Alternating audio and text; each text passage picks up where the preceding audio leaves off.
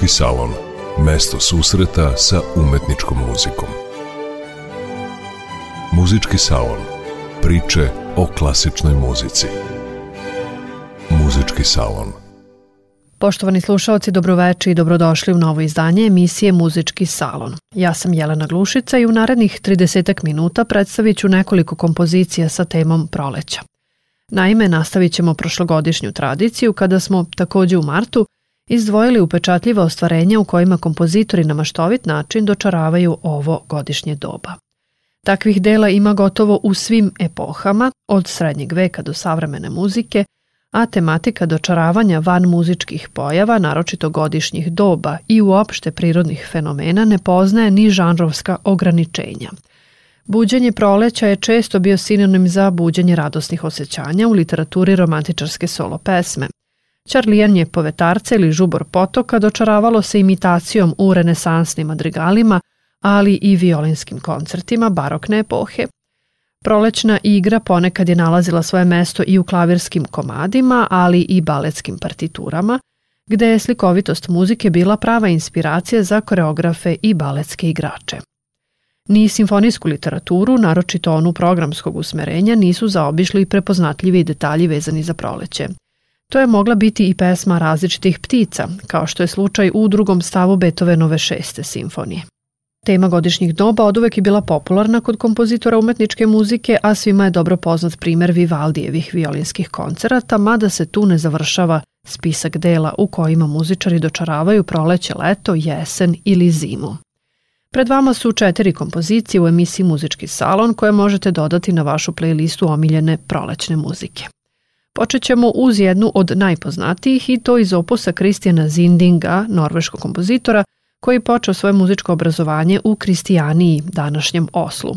Studirao je kompoziciju na konzervatorijumu u Leipzigu, najveći deo svog života proveo je u Nemačkoj, smatraju ga naslednikom Edvarda Griga, osnivača Norveške nacionalne škole. Zinding je pisao solo pesme, horska dela, klavirsku i kamernu muziku, solističke koncerte i simfonije. Njegovo najpoznatije delo je posvećeno upravo proleću, nosi naziv Frühlingsrauschen, izvorno je napisano za klavir, ali je zbog popularnosti doživelo i orkestarsku obradu, koja je daleko sugestivnija od klavirske verzije. Zato ćemo tu kratku kompoziciju i čuti u tom obliku u interpretaciji kamernog orkestra Litvanske filharmonije.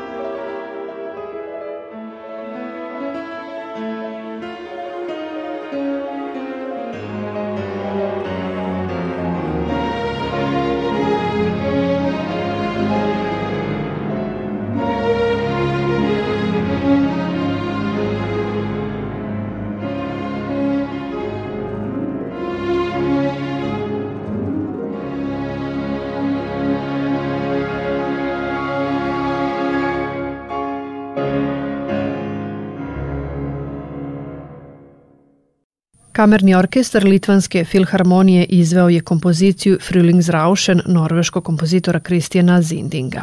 Emisija Muzički salon posvećena je delima inspirisanim prolećem. A kada smo već muzikom u Norveškoj, vredi napomenuti da je jedan engleski kompozitor često boravio u toj skandinavskoj zemlji, te da je u svom opusu negovao programsku muziku inspirisanu prirodom. Reč je o Frederiku Deliusu koji je bio blizak prijatelj Edvarda Griga, Augusta Strindberga i Edvarda Munka, istaknutih norveških umetnika. Zanimljivo bi bilo napomenuti da je recimo i Grig kao majstor klavirskih minijatura često pisao komade sa temom proleća, te da i u Munkovom likovnom stvaralaštvu postoje platna na kojem se dočarava norveški pejzaž u proleće. Slično mnogim drugim engleskim kompozitorima tog vremena i u Deliusovom opusu ima programskih ostvarenja sa temom godišnjih doba pa i proleća koja je u centru naše pažnje. Recimo tonske poeme Prolećna idila i Nakon što se čuje kukavica u proleće, ali mi ćemo u narednim minutima čuti poemu Prolećno jutro, koja čini sastavni deo zbirke od tri tonske poeme – Bilo bi sasvim logično pomisliti da su te tri kompozicije, inače napisane u periodu od 1888. do 1890. godine, prvobitno bile u grupi od četiri, pošto predstavljaju delikatnu deskripciju godišnjih doba. Postoje dokazi da je delo pod nazivom Jesen nekada postojalo, iako ono do sada nije pronađeno. Sve tri postojeće poeme pokazuju Deliusov afinitet prema prirodi, što i jeste karakteristika romantičarske, ali i impresionističke muzike. Poema Prolećno jutro objavljena je tek 1989. godine, a slušamo je u izvođenju Kraljevskog škotskog orkestra pod dirigentskom palicom Davida Lloyd Jonesa.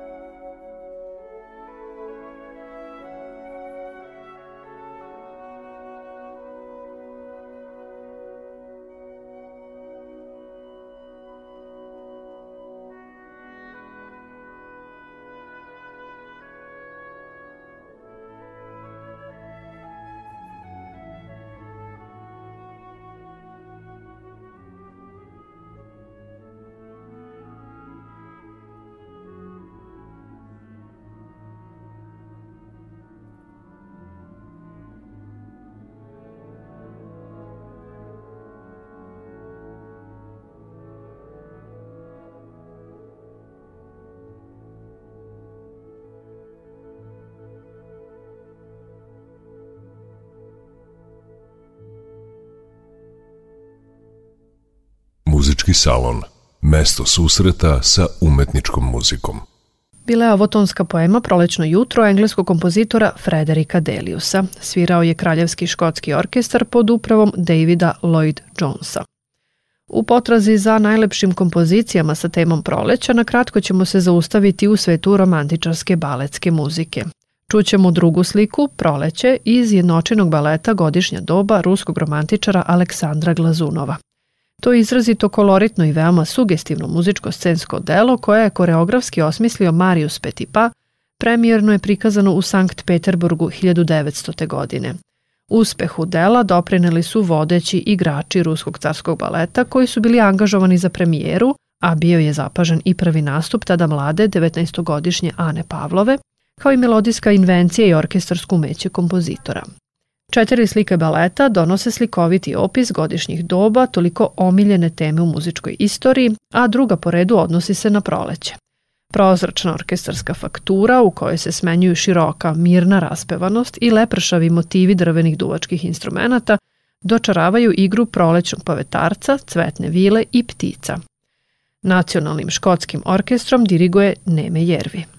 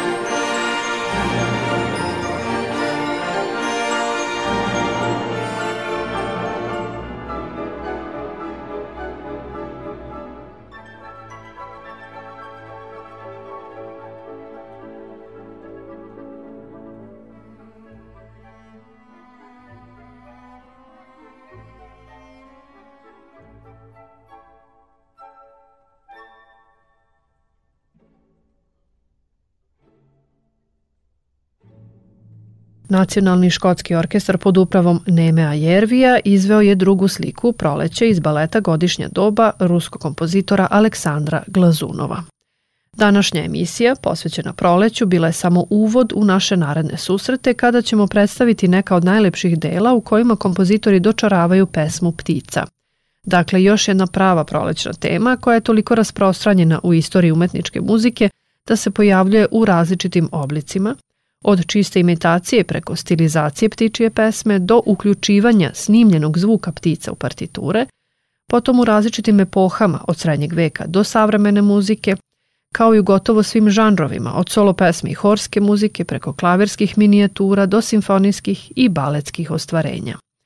Zato ćemo kao svojevrsnu najavu onoga što vas očekuje u aprilu, a i povodom 21. marta Evropskog dana rane muzike, na kraju današnjeg druženja u muzičkom salonu čuti prvi stav iz koncerta za violinu Gudači i Continuo u Aduru Antonija Vivaldija, koji nosi naziv Kukavica. Svira violinista Andrew Mance uz Akademiju rane muzike kojem rukovodi Christopher Hogwood. Do narednog susreta u drugoj nedelji aprila u novom izdanju muzičkog salona ostanite uz prvi program Radio Novog Sada.